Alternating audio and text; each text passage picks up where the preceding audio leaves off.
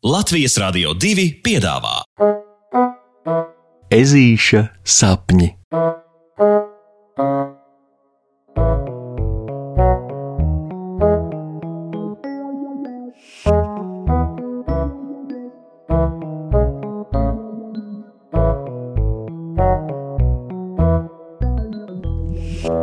Ezītis asina slidas.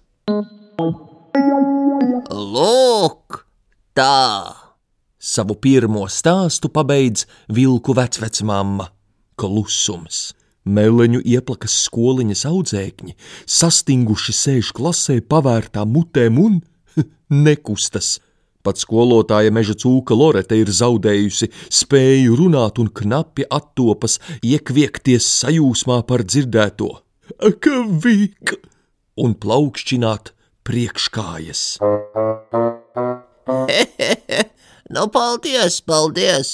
Vilku vecvecmāma nozibina zobus un atgādina klasē, ka vispār visiem šobrīd būtu jāsina slidas, un visi, kā atmodušies no sapņa, to arī sāk darīt.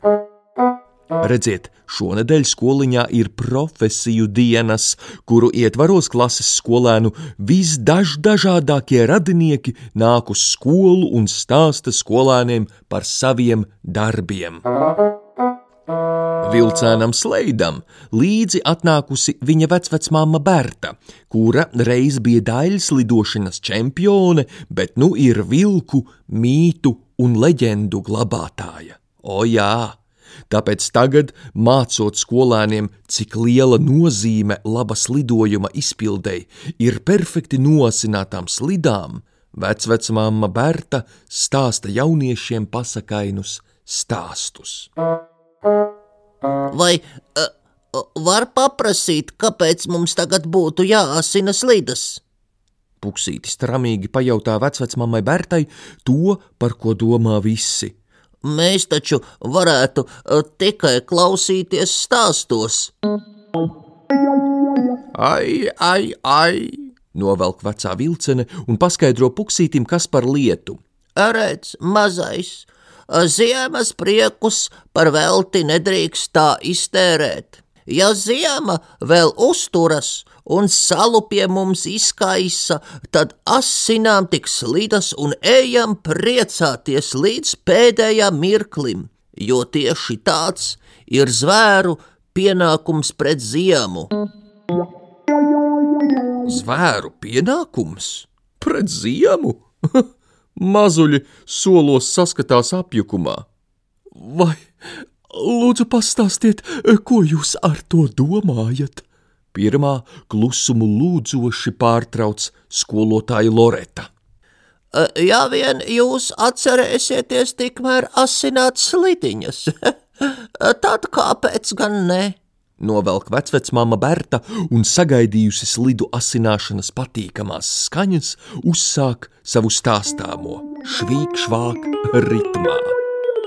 Labi, tad iegaumējiet, ka šis būs stāsts par mīlestību, un nevajag stieties mazuļi. Mīlestība ir skaista, jo īpaši mīlestība starp brāļiem un māsām - ziemu, pavasari, vasaru un rudeni. Tā jā. Šis stāsts aizsākās tajos sensenajos laikos, kad visi gada laiki vēl savām kājām pa zemi staigāja. Bet visiem zvēriem, kukaiņiem un putniem bija pieņemts gulēt ziemas miegu. Jā, jā, pat ežiem, vāverēm un lāčiem. Mīļi nosaka vecvecmāma Berta, pabužinot kažokus trijotnei puksītim Matildei un Rokijam, kas atkal jau aizmirsuši par slidām. Tajos laikos pavasaris, vasara un rudens visi kā viens ļoti mīlēja dižoties ar saviem sasniegumiem. Pavasaris stāstīja, ka tieši viņš ir visgalvenākais no gada laikiem, jo tieši viņš mākot atkausēt pat visciešākos ledus krāvumus, atmodināt zemi un no pumpuriem izvilināt jaunās lapas un puķītes. Vasara, tad parasti tuliņ iebilda, sakot, ka pavasaris tāds mazpuisītis puskoka lēcējs vien ir, jo tieši viņa, vasara, visas lapas noved līdz briedumam, ogas līdz saldumam un augļus līdz gardumam. Uz ko? Protams, iebilda rudens, sakot, ka lielākā jēga tomēr esot tieši no viņa, jo tieši rudens valdīšanas laikā esot patiesā ražas pārbagātība un krāsainākās koku lapas. Tā visi trīs cits caur citu pļāpāja un strīdējās bezgalīgi un apnicīgi, taču kas attiecās uz ziemu. Par ziemu neviens no viņiem nedomāja. Jo, godīgi sakot, neviens viņu nebija ne īsti saticis, ne tā īsti redzējis. Katru gadu, kad pavasaris modās, ziema jau devās prom.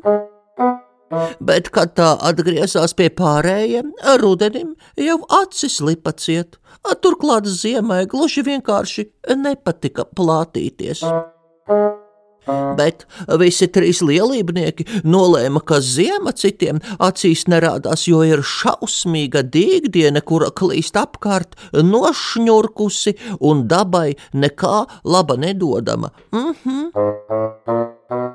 Viņi visi trīs atļāvās pat tētim gadam ieteikt, ka ziemu vispār vajadzētu padzīt ratā prom un te nu gadam nācās savus palaidnīgos bērneļus apsaukt. Jo viņi savā bravūras skurbumā pat neiedomājās, ka tieši ziema bija tā, kas par visiem kokiem, krūmiem, kukaiņiem, rāpuļiem, zvēriem un putniem parūpējās, kamēr saulīte atpūtās no karsēšanas un ļāva pasaulē atvilkt elpu atvēsinošā miegā. Tieši ziema visus apklāja ar sniega seģenēm, lai spalgonī tie nenosaltu. Tieši viņa izloloja un paslēpa katru zemē iekritušo sēkliņu, lai tās var saņemties spēkā un izplaukt, kad pavasaris modīsies, vasara iestāsies un rudens pie apvāršņa parādīsies. Ziema bija neatņemama gada sastāvdaļa. Tāpēc, novērtējis pārējo trīs bērnu iedomību pret māsu ziemu, tētiņš gads pieņēma pāris lieliskus lēmumus. Viņš pamodināja eglis, putnus un zvērus, lai mīļajai māsai ziemai vairs nekad nebūtu vientuļi, un lai visi zvēri varētu pastāstīt pārējiem gada laikiem par viņu skaisto, šaklo un mierīgo māsu ziemu. Jā. Un vēl gads izlēma, ka ziema mierīgu sirdi drīkst ķircināt savus brāļus un māsu, ja vien eh, viņai uznāk tāda luste, kamēr tie par daudz atkal cits citam salielās.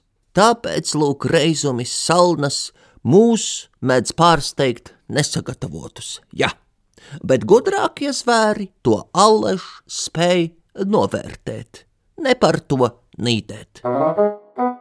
Vecvecmāma Berta beidz savu stāstu un dzird, ka slidu asināšanas troksnis kļuvis tāds kā apņēmīgs un teju vai varonīgs. Pasakas beigas ar labu nakti, draugi!